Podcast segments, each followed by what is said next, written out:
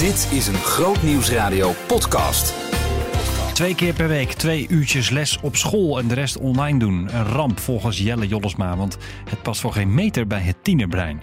En op de Noordzee dobberde een bootje met vluchtelingen aan boord. Ze werden gered door een Urker viskotter. En wij spraken met de eigenaar van die kotter. Groot Nieuwsradio podcast. Met Maurits Reinoud. Welkom bij de wekelijkse podcast. Het is week 25. En welkom trouwens bij Groot Nieuwsradio. Ik weet natuurlijk niet of je een frequent luisteraar bent van ons station. Maar we zijn te beluisteren via de app, in de app en de Play Store, via DB Plus op je digitale radio, via verschillende televisiepakketten zoals Telfort en Ziggo en natuurlijk via onze website grootnieuwsradio.nl. Het tienerbrein is er niet tegen opgewassen. Langdurig online onderwijs. Jelle Jolles is neuropsycholoog en auteur van het boek Het Tienerbrein. En van het meer recente boek, het is net uit, Leer je kind kennen. Allebei leestips als je tieners hebt of iets met tieners doet. Maar terug naar het onderwerp. De coronacrisis zorgt voor een andere manier van onderwijs. En die zou nog wel eens langduriger kunnen zijn dan wij allemaal hopen. En dat is niet goed, volgens Jelle Jolles. Maar ja, waar laat je je door leiden? Door de gezondheidsrisico's of de risico's voor de ontwikkeling van het kind? Weegt dat ontwikkelingsrisico op tegen het gezondheidsrisico? Jelle Jolles. Nou, het zijn twee, twee verschillende dingen. Gezondheidsrisico's waren natuurlijk enorm belangrijk in de maand maart toen we niet wisten hoe het zich ontwikkelen zou. Intussen weten we dat het met de gezondheid risico voor, uh, voor kinderen en voor tieners een stuk uh, minder is dan voor volwassenen en ouderen, vooral ouderen. En dat is een reden dat je het moet heroverwegen. Uh, je moet heroverwegen omdat de risico's voor de ja, verkeerde ontwikkeling van kinderen en van tieners nu toch een stuk groter worden, nu het zo vreselijk lang duurt. En pleit u voor, voor middelbare scholen openen zonder de anderhalve meter afstand? Is dat ook nog een belangrijk onderdeel in uw oproep? Uh, ik kan dat niet heel goed uh, beoordelen. Ik denk wel dat, dat dit soort overwegingen moeten, moeten worden meegenomen. En degene die echt dus op, op school kijken naar wat er mogelijk is, die moeten dit ook meewegen. Je kunt je gewoon voorstellen dat het, uh, zoals nu met peuters en kleuters gaat, dat daar gewoon, daar is al gezegd dat die anderhalve meter echt niet doenlijk is. Je kunt je voorstellen dat dat voor uh, basisschoolkinderen ook um, opgerekt wordt. Ja, en voor middelbare scholieren, ja. Ja, wat vraag je aan vaardigheden van een tiener waartegen gezegd wordt: ga maar achter je laptop zitten thuis en volg de lessen thuis? Is een tiener daartoe in staat? Nou, de jonge tiener al, al helemaal niet. Uh, wat daarvoor aan vaardigheden nodig is, dat nou net wat in de hele tienertijd verworven wordt. Dat gaat over zelfinzicht. Gewoon het overzicht over wat was de taak eigenlijk? Wat moet ik doen voor school? Uh, moet ik nou in, in, uh, in tussentijd even met mama praten, want die wil dat ik de vuilnisbakken buiten zet? Dus het plannen, het prioriteit geven aan het een of ander, de keuze maken, beslissen, het overzicht over je cognitieve taken op school en de taken die je voor thuis hebt, dat is voor een jonge tiener veel en veel. Dat, dat, dat lukt hem gewoon niet. Ja, en u heeft het over mama die vraagt of je even de vuilnisbak wil uitzetten, eh, buiten zetten. Ervan uitgaande dat mama er is en dat ze niet toevallig op haar werk zit bijvoorbeeld. Uh, hoe groot is de verleiding om iets anders te doen als je online les moet volgen? Nou, die, die verleiding die is heel groot. En we weten nu ook dat dat niet alleen voor jonge tieners geldt, maar ook voor, uh, oudere tieners en zelfs voor, voor jong volwassenen. Studenten van 20, 22 jaar, dat geldt ook voor dat die thuis moeten zitten en online lessen volgen. En het is gewoon heel, heel, heel duidelijk nu al dat ze daar grote moeite mee, mee hebben. Dus als mama niet thuis is, ja, dan moet je het helemaal zelf doen. Dat betekent dat je misschien wel een lijstje voor je hebt van let hierop, let daarop. Maar je moet ook uh, ervaring hebben gekregen in het letten op dat lijstje. Hm. Dat is nog net voor heel veel tieners uh, hoog gegrepen. Ja. En het mooie is dat ook heel veel ouders nu zien: goh, wat doen die leraren het eigenlijk goed? Ik merk nu hoe vreselijk moeilijk het is. En het is zo echt belangrijk dat ouders zien dat leraren zo'n grote rol spelen. En ook nu tot een soort van positieve oordeel daarover komen. En, en is er nog iets denkbaar waardoor je online lessen zo inricht dat het geschikter is voor, voor tieners en jonge tieners ook? Maar dat, dat is niet, niet helemaal nu te zeggen, want heel veel leraren uh, van de basisschool tot en met het hoger onderwijs, die zijn plotseling van de ene week op de andere zijn die uh, ja, leerplanontwikkelaar geworden. Die hebben ook niet alle ervaring met dat online lesgeven. Dus in de afgelopen maanden is daar veel ervaring mee opgedaan. Mm. En heel veel leraren zeggen ook: het is niet helemaal goed gegaan, maar we zullen dat bij, bijpassen. Dus nou uw vraag over wat, wat, wat zou je moeten doen. Veel visueel materiaal, maar heel veel leraren die weten dat ook wel. Uh, maar ook materiaal waarbij een kind geleerd wordt om in woorden te gieten van wat is eigenlijk de bedoeling? Wat had ik vijf minuten geleden moeten doen? Hoe leg ik prioriteiten? Dan moet je eigenlijk ook zo'n leerling leren wat het woord prioriteit is. Je moet hem leren wat planning is. Dus gewoon wat in de klas veel automatischer gaat, dat moet je dus extra in je lesstof stoppen om te zorgen dat een leerling beter kan leren, beter begrijpt hoe hij dat zou moeten aanpakken. Ja, en dan zou het online onderwijs wellicht geschikter zijn.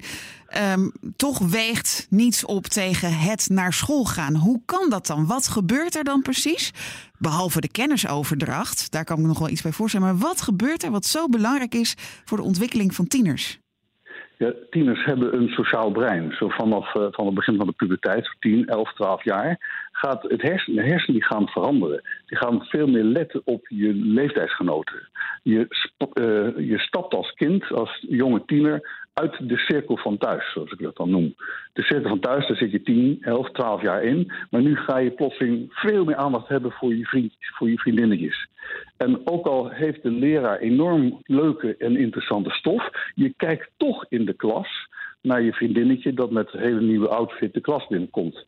Dus wat er anders is, is dat je met je vrienden, vriendinnen een soort van gevoel krijgt van goh, interessant wat zij doet, of helemaal niet interessant. En mhm. aan de hand daarvan leer je zelfinzicht te krijgen. Je leert waarin je goed bent, waar je minder goed bent. Je leert je gedrag aanpassen. En al die sociale vaardigheden kunnen alleen in een sociale context.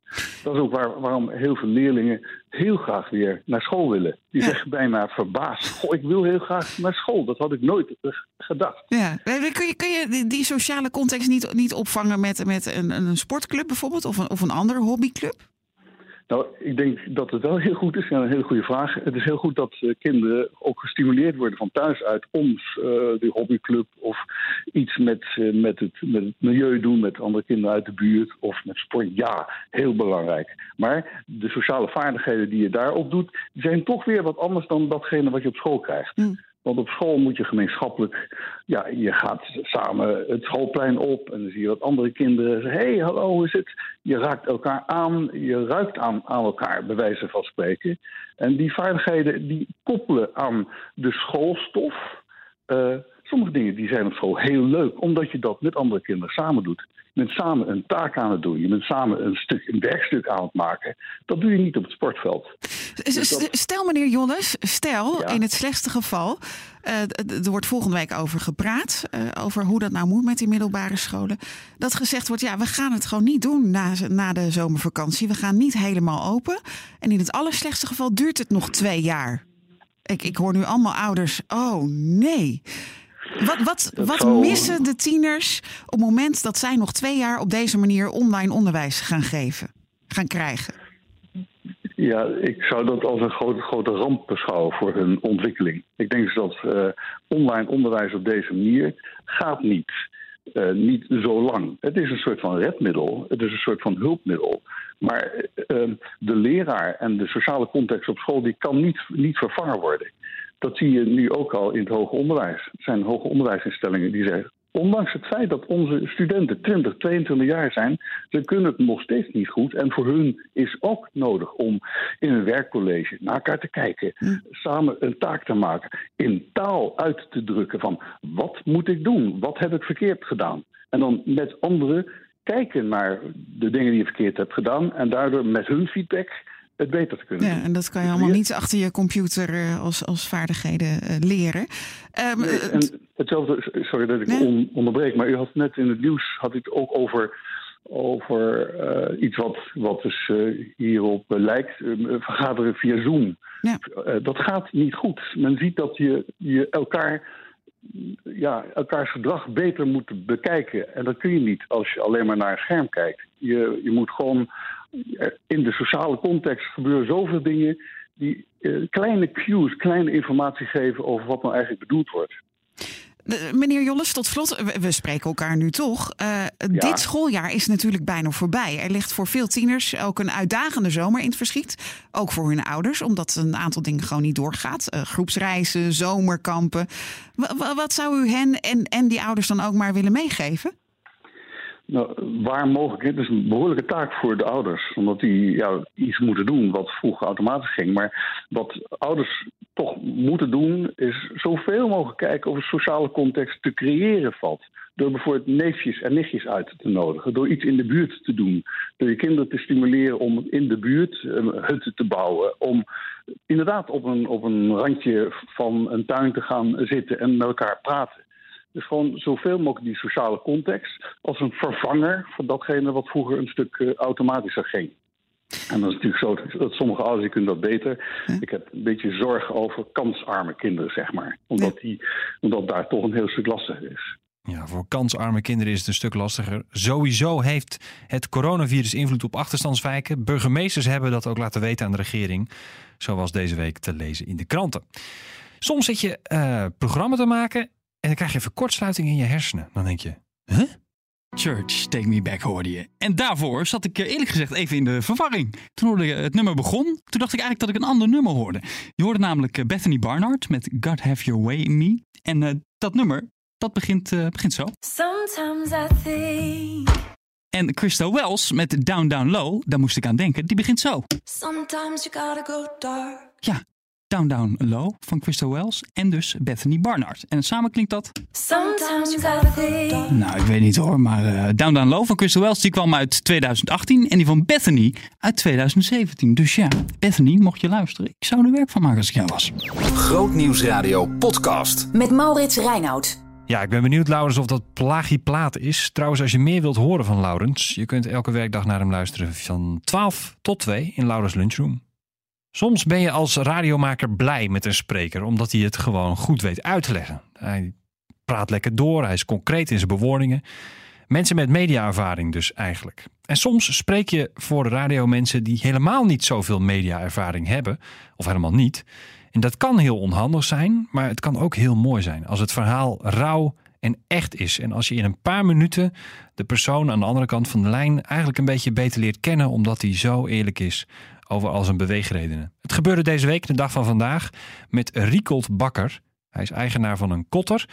De kotter die deze week in het nieuws kwam omdat de kapitein, de zoon van Riekold, besloot om vluchtelingen te redden uit een gevaarlijke situatie. Ja, die was wel eh precair, want eh, ze konden dus niet meer manoeuvreren met het scheepje, maar ze hadden geen benzine meer. Ja, scheepje, ja, je kan het eigenlijk geen scheepje noemen. Er- Er was een rubbervat waar maar normaliter eh, vier personen in zitten. En dan zit je met 26 personen in, dan, eh, dan gaat dat nooit goed.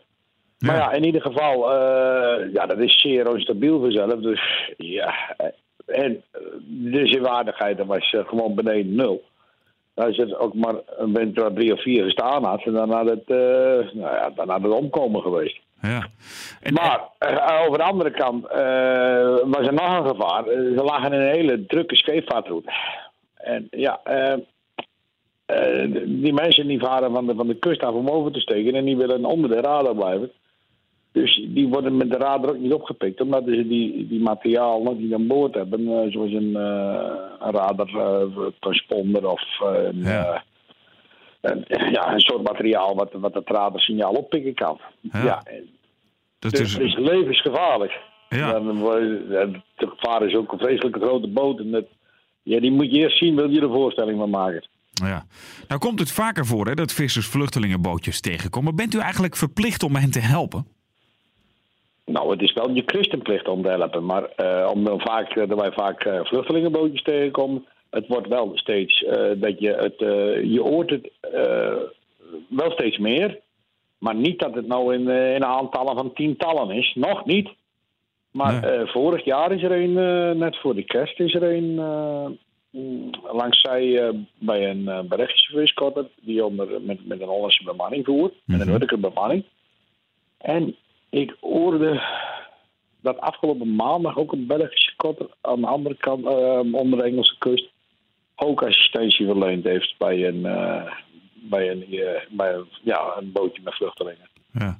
Wat, wat doet het eigenlijk met u om, eh, om te zien dat mensen hun leven riskeren om maar in Engeland te komen? Ja, het, het is gewoon een warmsdaad. Maar die mensen die weten niet wat ze doen. Want het is gewoon, ja, het is onzeker voor, de, voor hen. Maar ze weten ook niet hoe vreselijk gevaarlijk of het is. Het is eh, ja, ik, ik vind die mensen die of dat regelen, die mensensmokkelaars, die spelen met die mensen een Russische roulette. Ja. Ja, dit echt, het, is, eh, het is gewoon gewetenloos wat ze doen. Want ze sturen ze, willen ze en weten ze, met onzin waarde, gewoon een stabiel bootje, de zee op. Nou, ze hebben zeker ook geen besef hoe gevaarlijk of de zee wel niet wezen kan. Plus dat er een hele drukke scheepvaart is. Ja. Levensgevaarlijk Ja, dus. Ja, dat is levensgevaarlijk. Ja. Maar deze mensen die zijn echt wonderlijk gered. Ja, want, want dat is wel bijzonder. In dit geval was uw viskotter er op tijd bij. Maar ik begrijp dat dat echt een wonder is door een keuze van uw zoon die kapitein is. Hoe zit dat? Nou, eh, ja, vorige week toen maakten ze in het noordelijke gedeelte van de Noordzee een hele mooie reis. En toen, eh, afgelopen maandag, zijn ze weer opnieuw gevaren. En toen s'avonds, toen zegt mijn zoon... Hij zegt, ik zou het wel eens in de zuidelijke Noordzee willen proberen. Dat doe je normaal nooit, maar dan ga je altijd weer naar je bestekken terug... waar je dus eh, ja, een goede vangst had met, Ja. eh, gehad hebt. En toen is hij dus eh, ja, een 100 mijl zuid ingestoomd, zoals wij dat zeggen. Op die plek waar die, die, die vluchtelingenboot gevonden is. Ja, dat was heel bijzonder, want no- normaal in deze tijd komen we daar nooit. Dus het, ja, het, het, echt zo wezen moeten. Dat wij daar op dat moment met de schip waren en dat ja, die mensen daar gered moesten worden. Dat, Ja. ja, ik zie dat zo. U zegt niet dat het toeval is. Nee, toeval bestaat niet. Nee, toeval bestaat niet. Is dat God alles, dan? Is dat God? Alles, alles, alles wordt bestuurd. Ja, er is, het- de, de, de, de, de- de- er is een. Zoals je. Ja, hoe moet ik het onder de woorden brengen? Maar eh, wij geloven dus dat er een God is die overal boven staat. Zelfs het aarde op je hoofd die zijn geteld. Er zal geen mus van het dak vallen zonder de wil van de hemelse vader. En eh, ja, dan zie ik dit zo ook als wij moesten daar wezen op dat moment. En eh, ja, eh, zo hebben, eh, heb ik het ervaren als, als vader zijnde, maar zo hebben ze het aan boord ook ervaren. Ja, bijzonder zeg. Nou was u er zelf niet bij, maar, maar hoe reageerden de vluchtelingen op het bootje toen ze zagen dat er redding kwam? Ja, mijn zoon vertelde eh, dat eh, ja, ze waren in eerste instantie eh, wat neergeslagen mezelf. Want ze denken, eh, waar gaat het nu weer eh, op eens aankomen? Want eh, ja, geen water, geen benzine, geen... Nou ja, eh, ze zaten beneden de moed. Ja, En eh, ja, ze denken als we nu weer teruggebracht worden, want dat kan er ook in zitten vanzelf. Als je nou een vreemd schip tegenkomt, ze wisten niet wat voor nationaliteit of het was die die op een, eh, een aankwam waren. Maar toen die Engelse reddingboot ECH kwam en dat ze zagen een Engelse nationaliteit en dat ze daarom moeten, ja, toen werden ze helemaal blij, want dat was de bedoeling. ja, Ja, ze wilden oversteken naar Engeland. Ja. ja. En, en, en, en- wat zijn uw gedachten daarbij dan? Wat denkt u dan als u, u zoiets overkomt en als u zoiets meemaakt? Ja, eh, omdat er nou niks bij, bij geval eh, gebeurt. En dan eh, ga je eh, dus die zaak voor jezelf overdenken. En toen vanmorgen heel vroeg, toen dacht ik... Ja, de preek van, van, van zondag die ging over Filippus met de kamerling. Ja. Aan Kandersee, de moorman. Mhm. Toen Filippus die werd ook gestuurd door de engel des Heren om de moorman van Kandersee te onderwijzen in zijn geestelijke nood. Dus die moest hulp hebben. En nou is dit vanzelf eh, naar, naar, naar het tijdelijke dat we die mensen hulp geboden hebben. Maar Mhm. zoiets gebeurt dus toch nu ook nog. Ja. Dat is mooi. Dat, dat soort dingen, dat, dat- je dat dan op een zondag hoort en dat het dan eigenlijk in de praktijk op een andere manier weer terugkomt. Ja, ja, ja, ja, kijk, het, is wel, het zijn wel eh, vers- verschillende zaken vanzelf. Je, moet Ja. je kunt het niet één op één overzetten, maar, maar de leiding, dat staat wel centraal. Ja, en dat is bij beide gevallen in die zin hetzelfde. Ja, Ja. Nou, nou is het zo dat we, we horen eigenlijk nooit hoe die mensen op die bootjes terechtkomen. Ja, via mensensmokkelaars, u zei het al eventjes. Maar, maar die blijven buiten beeld. Wat moet er volgens u gebeuren? Want jullie komen ze vaker tegen natuurlijk. Ja, ik denk dat er op, op zulke bootjes, op, uh, ja, eigenlijk op al die bootjes, een bepaalde registratie uh, moet komen. Uh, het zij een nummer of een teken of wat dan ook, maar dat moet niet uitgewist kunnen worden. Misschien ook op de motor. Dat je terug kan traceren waar, waar, waar ze eigenlijk wegkomen, die, die bootjes. En ja, misschien dat je aan de hand daarvan de, de daders op sporen kan. Ja. Ja, Want het is, uh, dit, dit, is vanzelf een trieste zaak dat dit gebeuren kan in, de, in deze tijd. Ja. En, dan en over de andere kant dan denk ik ook, als je dat dan ziet, hoeveel ellende over mensen overkomen kan, en dat wij dan nog zoveel zegeningen hebben, dan kunnen we het niet op. Ja, ja. Kunnen we het niet op. Mooi. Heb ik niks meer aan toe te voegen. En deze mensen die zijn dus wonderbaarlijk gered. Dankzij u onder andere Riekelt Bakker, eigenaar van de Urker Viskotter... die een bijzondere redding uitvoerde dus op de Noordzee. Hartelijk dank voor uw verhaal. Ja, nou ja, ik... Uh... Ja, ik, ik, ik, moest het, ik, ik, moest het zo vertellen. Het, zo heb ik het ervaren. Ja, dank daarvoor. Ja, oké. Okay. Ja, dit bedoel ik dus. Mooi, oprecht, eerlijk en zo passend bij wat wij als Groot Nieuwsradio uit willen dragen. Ik vind het een fantastisch verhaal. Komende week op Groot Nieuwsradio. Don Seder, CU-politicus en advocaat, riep op om hagepreken te gaan houden. En dat idee dat krijgt navolging. En wat voor effect heeft Donald Trumps presidentschap op de Europese Unie? Is dat positief? Is dat negatief? En nog heel wat anders. Mag God nog God zijn? Als je het antwoord wilt weten op die vragen, luister je maandag naar de nieuwe morgen tussen 6 en 9 s ochtends bij Groot Nieuws Radio. Ik wens je een heel mooi weekend toe en tot volgende week. Behoefte aan meer? Grootnieuwsradio.nl slash podcast.